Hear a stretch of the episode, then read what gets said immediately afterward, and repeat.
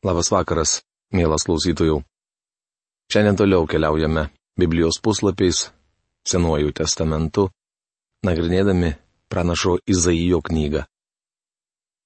Praėjusioje laidoje pradėjome nagrinėti šios knygos 63 skyrių, kurio tema - teismo spaustuvas, tai potėme, kurią mes jau išnagrinėjome, ir nirždamas gelbėtojas neužmiršta gailestingumo. Prieš pradėdami apžvalgą paprašykime pagalbos suprasti, ką skaitome. Dangiškasis tėve, mes dėkojame tau už išsaugotą šventą įraštą ir už tai, kad mes galime šiandieną jį skaityti. Ačiū tau, dangaus Dieve, kad mes galime suprasti tai, ką skaitome tik tai tavo dvasios pagalba, kurią tu paženklini kiekvieną tikintįjį, išpažinusi savo kaltes prieš tave ir gyjusi amžinojo gyvenimo dovaną. Dėkojame tau, dangiškasis Dieve, už žinojimą, kurį teikia mums šventasis raštas, kad tik tai tu esi tas, kuris gali nuimti šydą nesupratimo tam, ką mes skaitome, nuo akių žmonių, kurie šiandieną dar tavęs nepažįsta, nemato, nesupranta. Mes prašome, kad šis laikas, kada studijuosime šią knygą, būtų būtent toks. Ir tu padėtum kiekvienam tiem, kas nepažįsta tavęs, ateiti pas tave ir pavesti savo gyvenimus tau. Ir tie, kas priėmėme tave kaip asmeninį gelbėtoją, pasikliauti tavo žodžiu ir pavesti tau savo gyvenimus, kad tavo dvasios vedami galėtume pasiekti amžinybę. Kristaus Jėzaus vardu to prašome. Amen. Skaitydami šią Izaijo knygos dalį matome, kad nirždamas viešpats Jėzus saviesiems neužmiršta parodyti gailestingumo. Pasakosiu apie viešpaties maloningumą, apie šlovingus viešpaties darbus, apie visą, ką viešpats mums padarė, apie begalinį gerumą Izraelio namams kurį jis mums suteikė iš savo gailestingumo ir didžiaus malonės. Izaijo knygos 63 skyriaus 7 eilutė. Šioje vietoje radikaliai keičiasi 63 skyriaus turinys, tarsi iš nakties gudumos išeitume į vidudienio šviesą. Pirmoji skyriaus dalis nuo antrosios skiriasi kaip naktis nuo dienos. Mūsų Dievo darbai šlovingi, šventi, nuostabus ir verti gyriaus. Ir tai tik vienas jo didybės aspektas. Jis yra geras ir rodo ištikimąją meilę. Bet to jis gailestingas. Jei ne šios Dievo savybės, visi mes be jokių abejonių būtume sunaikinti. Tik nuteisęs žemę viešpats galės ją valdyti. Manau, jis ir taip ir ilgai laukia, kol žmonės jį atsigręš. Juk jis tarė, jie mano tauta, vaikai, kurie manęs neapvils. Taip jis tapo jų gelbėtojų. Izaijo knygos 63 skyriaus 8 eilutė. Čia jo tauta reiškia tikinčius izraelitus ir didelį būrį pagonių, kurie didžiojo suspaudimo laikotarpiu atsigręš į Kristų. Žinoma, tuo metu jau bus įvykęs bažnyčios paėmimas vaikai, kurie manęs neapvils. Regis viešpats dėjo į juos daug vilčių, tačiau buvo nuviltas. Jis nori, kad ir mes su jumis gyventume kaip jam patinka, todėl ragina mus nebemeluoti vienas kitam. Ir dėl visų jų nelaimių buvo nelaimingas. Nekoks pasiuntinys ar angelas, bet jo artumas išgelbėjo juos, iš meilės ir pagailos atpirko juos.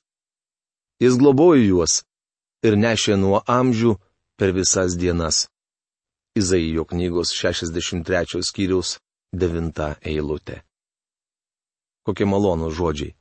Mano įsitikinimu viešpaties angelas yra ne kas kitas, o Kristus prieš įsikūnyjimą. Mums sakoma, kad iš meilės ir pagailos Dievas atpirko ir nešė savo tautą. Jis patyrė savo tautos kančias. Šventojo rašto tyrinėtojai nesutarė dėl frazės dėl visų jų nelaimių buvo nelaimingas. Rankrašiais galima pagrysti ir kitokį variantą. Dėl visų jų nelaimių nebuvo nelaimingas. Tad kuris vertimas teisingas? Manau, kad abu teisingi, bet asmeniškai man labiau patinka antrasis variantas. Paaiškinsiu kodėl. Keliaudamas per dykumą su Izraelio vaikais viešpats nepatyrė jų nelaimių. Pavyzdžiui, kai žmonės gėlė ugningi žalčiai, jis nuo jų nenukentėjo. Dėl visų jų nelaimių jis nebuvo nelaimingas. Tarsi tėvas ar motina jis stovėjo ir laukė jų, nesileisdamas į kelią be Izraelio vaikų. Kai izraelitai sustodavo ugnies ir dūmų stulpas taip pat sustodavo. Dievas laukė savo tautos. Jis tarsi motina keturiasdešimt metų kantriai vedžiojo juos po dykumą. Kai tarnavau pastoriumi Pasadenoje, pro mano studijų kambarėlio langus buvo matyti turgaus gatvė. Dažnai stebėdavau motiną su dviem vaikais. Vieną vaiką įneždavosi ant rankų, o kitas dažniausiai tipendavo šalia. Kartais mažylis sustodavo, motina jo palaukdavo. Kai berniukas pargriūdavo, išsukdavo iš kelio ar darydavo ką nors, ko neturėtų daryti, ji kantriai jo laukdavo. Dažnai susimastydavau, Jau daugelį metų šitaip Dievas elgesi su manimi. Kai pargriūnu ar įsiveliu į bėdą, Dievas laukia manęs. Šitaip jis elgesi ir su savo tauta. O jie maištavo ir liūdino jo šventą dvasę. Todėl jis tapo jiems priešu ir pats ėmė su jais kovoti. Izaijo knygos 63 skyriaus 10 eilutė. Manau, šventai dvasiai mes gerokai įgrįstame. Bet ačiū Dievui, ji mums kantri. Tada jie prisiminė praeities dienas ir mozę savo tarną. Kurgi tas, kuris išvedė per jūrą savo kaiminės ganytoje? Kurgi tas, kuris jam įkvėpė savo šventą dvasę? Izaijo knygos 63 skyriaus 11 eilutė. Manau, tiesioginė prasme čia kalbama apie Izraelį, tačiau šie žodžiai tinka visiems žmonėms. Kai kurių Biblijos aiškintojų nuomonė čia nekalbama apie šventąją dvasę, trečią dieviškosios trejybės asmenį, nes Senajame testamente ji nėra aiškiai išskiriama. Tačiau mano įsitikinimu šioje eilutėje minima ta pati šventoji dvasia, kuri šiandien gyvena tikinčiuosiuose. Nors Senajame testamente šventosios dvasios darbas aiškiai neišskiriamas, tačiau manau, kad čia užsimenama apie ją. Štai šventosios dvasios darbai. Kurgi tas, kuris jam įkvėpė savo šventąją dvasę, padaręs, kad šlovingoji jo ranka žygiuotų su Mozės dešinėje, perskirias vandenis prieš juos, kad įgytų savo amžiną vardą, pervedęs juos per jūros gelmes. Tartum žirgas dikumoje, jie nesuklupo. Izaijo knygos 63 skyriaus 12-13 eilutės. Dievas vėl primena Izraeliui, kaip išvadavo juos iš Egipto vergovės ir ėjo jų priekyje. Toliau skaitome, kad pranašas ir tauta maldauja Dievą atkreipti dėmesį į jų didį poreikį ir troškimą. Žvilgtelėk iš dangaus ir pasižiūrėk į mus, iš savo švento ir šlovingo būsto. Kur tavo liepsnojantis rūpestis ir tavo galybė, tavo pagailos antplūdis ir gailestingumas? Nesusilaikyk, nes tu mūsų tėvas. Nors Abromas mūsų ir nepažintų, nors Izraelis ir nenorėtų nieko apie mus žinoti, tu viešpatie mūsų tėvas. Mūsų atpirkėjų amžiams esi pavadintas. Izaijo knygos 63 skyriaus 15-16 eilutės. Dievas buvo Izraelio tautos tėvas, tačiau niekur Senajame testamente nepasakyta, kad jis buvo tėvas asmeniškai kiekvienam Izraelitui. Senajame testamente šis terminas vartojamas bendraja prasme, o Naujajame testamente jis tampa asmeniškas. Kaip Abromas buvo tautos, o ne kiekvieno atskiro Izraelito tėvas, taip Dievas vadinamas visos tautos tėvu. Kodėlgi viešpatė leidai mums nuo tavo kelių nuklysti, ir užkėtini mūsų širdis tavęs nebijoti. Sugryžk dėl savo tarnų, dėl genčių, dėl savo nuosavybės. Izaijo knygos 63 skyriaus 17 eilutė. Tai malda, kurioje prašoma Dievo palankumo. Mūsų dalė tokia, lik tu niekada nebūtum buvęs mūsų valdovu, lik mes niekada nebūtume vadinęsi tavo vardu. Izaijo knygos 63 skyriaus 19 eilutė. Dabar izraelitai visiškai atsiduoda Dievui. Šiandien krikščionys turėtų laikytis panašaus nusistatymo, tai reiškia, jie turėtų būti visiškai atsidavę Dievui. Daugelis baiminasi, kad tuomet Dievas suries juos į jų ožių ragą. Bičiuli, jis nori būti mums švelnus, tik duokime jam galimybę. Tačiau nepamirškite, kad jis yra baudžiantis Dievas. Vieną dieną jis sugrįš į žemę minti didžiojo Dievo rūstybės spaustuvo. Dievas nesistengia jūsų įbauginti. Vis tik sako jums tiesą. Izaijo knygos 64 skyrius. Tema - Dievo valdžios pripažinimas visatoje ir žmogaus būklės išpažinimas. Skaitydami šį Izaijo knygos skyrių pamatysime, kaip tikintis Izraelio likutis vėl šaukėsi Dievo ir trokšta jo artumu. Šiandien ne vienas Dievo vaikas negali likti abejingas tokiam karštam prašymui. Krikščionis taip pat karštai gali melstis, ateik viešpatė Jėzau, kaip prašoma apreiškimo knygos 22 skyriaus 20 eilutėje. Kaip jau minėjome, 63 Izaijo knygos skyrius yra dažnai aplenkiama šventojo rašto atkarpa. Akcentuodami ją, stengiamės parodyti, kad esame premilenialistai ir tikime, jog Kristus sugrįž prieš didžiojo suspaudimo laikotarpį. Bažnyčia bus paimta iš pasaulio prieš prasidedant suspaudimui. Baigiantis didžiojo suspaudimo laikotarpiui, viešpats ateis įsteigti žemėje savosios karalystės. Tai nėra vien teorija, apie tai rašoma Izaijo knygoje. Nusekliai nagrinėdami šią knygą įsitikinome, kad pranašo aprašyta programa pakankamai aiški. Dievo žodis neleidžia grįsti teorijų keliomis iš konteksto išplėštomis eilutėmis. Mūsų teorija turi atitikti Dievo žodžio mokymą. Kai kurios šiandien propaguojamos teorijos man primena senutę batų parduotuvėje. Pardavėja jos paklausė, kokio dydžio batus jį nešioja. Pone atsakė, kad galėtų nešioti 34 Tačiau 35 dydžio batai jai daug patogesni, todėl dažniausiai jį perkanti 36, o kartais ir didesnio dydžio batus. Kai kurios teorijos susijusios su Dievo žodžiu yra paprasčiausiai netinkamos, todėl jas reikia keisti kitomis. Dievo valdžios pripažinimas visatoje. O kad perplėštum dangus ir nužengtum, kalnai prieš tave sudrebėtų. Izaijo knygos 63 skyriaus 19 eilutė. Pranašas atstovauja tikinčiam būsimųjų laikų Izraelio likučiui. Jis vėl vartoja būtąjį laiką, kuris vadinamas pranašišku laiku. Kitaip tariant, Dievas mato visą tai jau įvykus. Žvelgdamas į praeitį, kuri mums dar ateityje, jis įdeda į Izaijo lūpas pranašiškus žodžius. Pranašas prašo Dievo to, ko didžiojo suspaudimo dieną prašys Izraelio likutis. Tai parašyta ne mums, nes čia kalbama ne apie bažnyčią. Šie žodžiai skirti Izraelio likučiui, tačiau mes, kaip tikintieji, juos galime pritaikyti savo. Šiandien mes turėtume melstį viešpaties sugrįžimo ateik viešpatie Jėzau.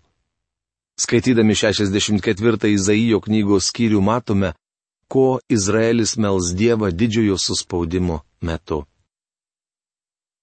Kaip ugnis uždega žabus, kaip ugnis užvirina vandenį, kad ir tu taip apreikštum savo vardą priešams, tautos prieš tave drebėtų. Izaijo knygos 64 skyriaus pirmą eilutę. Kaip ugnis užvirina vandenį, taip Dievo artybė privers tautas drebėti. Šiandien tautos nežino, jog yra Dievas. Kai kas stebisi, kaip mes galime sėdėti prie vieno stalo su bedėvėmis tautomis. Reikalas tas, kad mes tokie pat bedėviai kaip ir jie. Nūdien pasaulio tautos nesigręžia į Dievą ir jo nepripažįsta. Manau, kad epochai artėjant prie pabaigos, žmonės pajus, jog Dievas rengiasi parodyti savo galybę. Net keli romėnų istorikai užsimena, kad panašus jausmas buvo apėmęs pasaulį prieš Kristaus gimimą. Darydamas baisius darbus, kurių mes nesitikėjome, tu nužengiai ir kalnai drebėjo prieš tave. Izaijo knygos 64 skyriaus antra eilutė.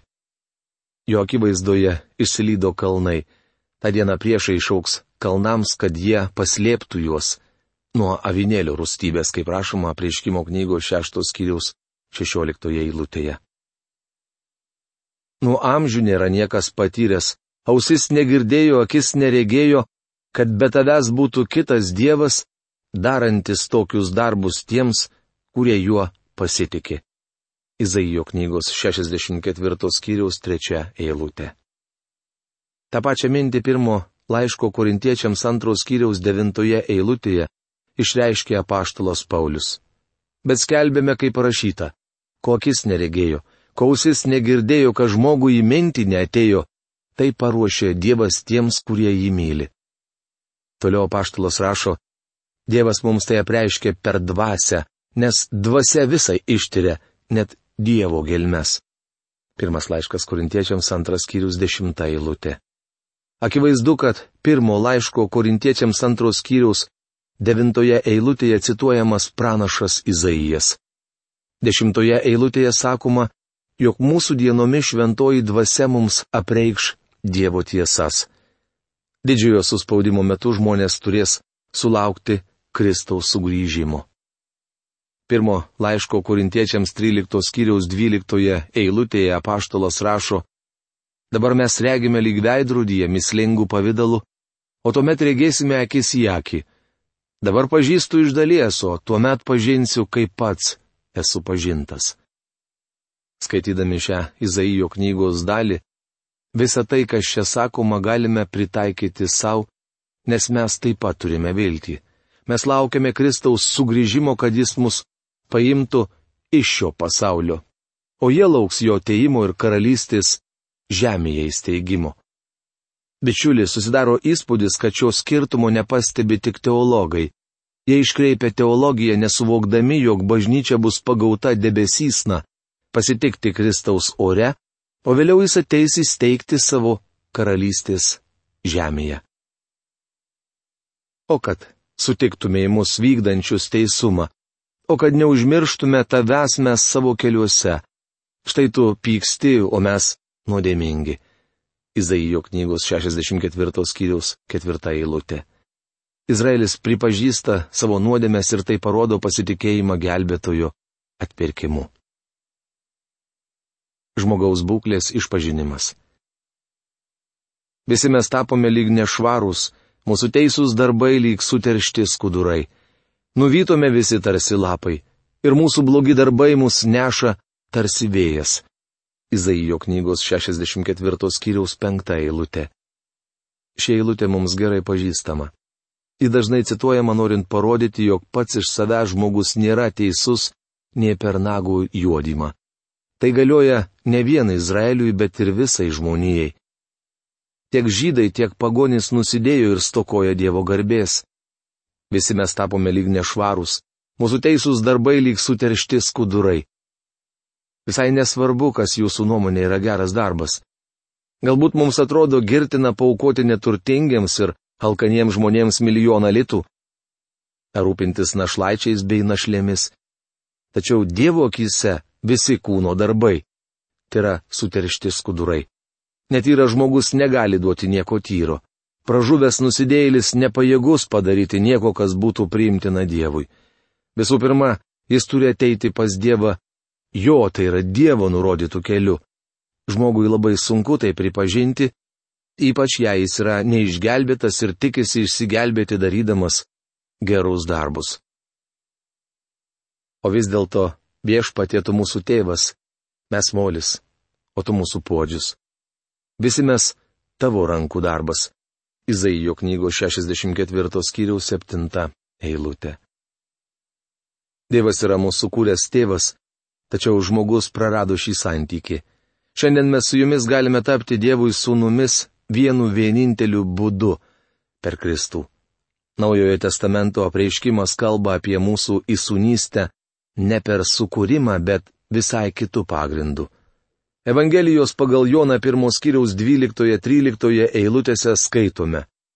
Visiems, kurie jį priėmė, jis davė galę tapti Dievo vaikais. Tiems, kurie tiki jo vardą, kurie ne iš kraujo ir ne iš kūno norų, ir ne iš vyro norų, bet iš Dievo užgimė. Žodžiais, visi mes tavo rankų darbas pripažįstama, jog Dievas yra mūsų kurėjas. Įspodžius tai yra tas, kuris kuria. Tam tikrą prasme žmogus nulipdęs puodą ar gražią vazą yra šio dirbinio tėvas. Amerikiečiai savo tautos tėvų vadina Džordžą Vašingtoną. Apie tai, jog Dievas yra mūsų sukūręs tėvas, užsiminė apaštalas Paulius kalbėdamas Atenuose. Juk mes jame gyvename, judame ir esame, kaip yra pasakę kai kurie jūsų poetai, mes esame iš jo giminės. Todėl būdami dieviškosios giminės neturime manyti, jog dievybė panaši į auksą, sidabrą akmenį arba į meno ar žmogaus minties kūrinius rašoma paštalų darbų knygos 17 skyriaus 28-29 eilutėse. Žmogus yra iš Dievo giminės, nes Dievas mūsų kūrė. Tačiau ne kiekvienas yra atgimęs Dievo vaikas. Apaštalas Paulius sako, kad Dievas mūsų sukūrė, todėl neturėtume pasidirbti savo drožiniu ir sakyti, jog tai Dievo atvaizdas. Tokiu būdu mes mėgintume susikurti Dievą, o jis draudžia tai daryti. Šventieji tavo miestai virto dykuma, Sionas dykuma, Jeruzalė dykynė. Izaijo knygos 64 skyriaus 9 eilutė. Tai, kas čia sakoma, nebuvo būdinga Izaijo laikams, tačiau netruko išsipildyti Babilonui atžygiavus prieš Jeruzalę. Karalių antros knygos 25 skyriaus 90 eilutėse mums sakoma, Jis sudegino viešpaties namus, karaliaus rūmus ir visus Jeruzalės namus, sunaikino kiekvieno didžiūno namus. Tada chaldėjų pajėgos buvusios su sargybos vadu iš visų pusių išardė Jeruzalės sienas. Izaijo pranašystė įsipildė pažodžiui.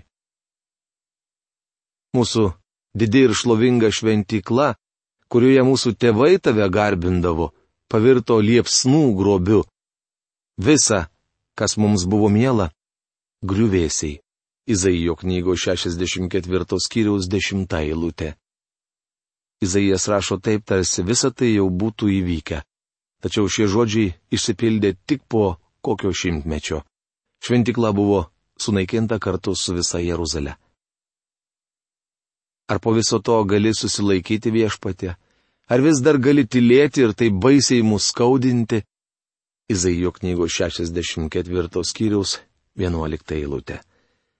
Pranašas baigė šį skyrių klausimu, ar Dievas nesijims jokių veiksmų. Likusi Izaijo pranašyščių knygos dalis yra atsakymas į šį klausimą. Dievas atstumė Izraelitus tik po to, kai jie atstumė jį. Tačiau tai nesuardė jo planų šiai tautai ir visai žemiai. Jis tęsė ir tebe tęsia savo programą, kuri dar bus įgyvendinta. Mielas klausytojau, mano palinkėjimas jums, konkrečiai tau, kuris dabar manęs klausai. Tu girdi išganomąją žinę. Žinę, kuri galėtų atlikti darbą tavo širdyje, jeigu tu tam žodžiui leistum apsigyventi ne tik tai tavo prote, bet ir tavo širdyje, išpažindamas, kad esi kaltas. Ir paprašydamas atleidimo, ir pakviesdamas Dievą į savo širdį kaip karalių ir viešpatį. Todėl kartu su Izaiju noriu pasakyti, neatstumkite to, kuris šiandien jūs šaukia. Iki greito sustikimo. Sudė.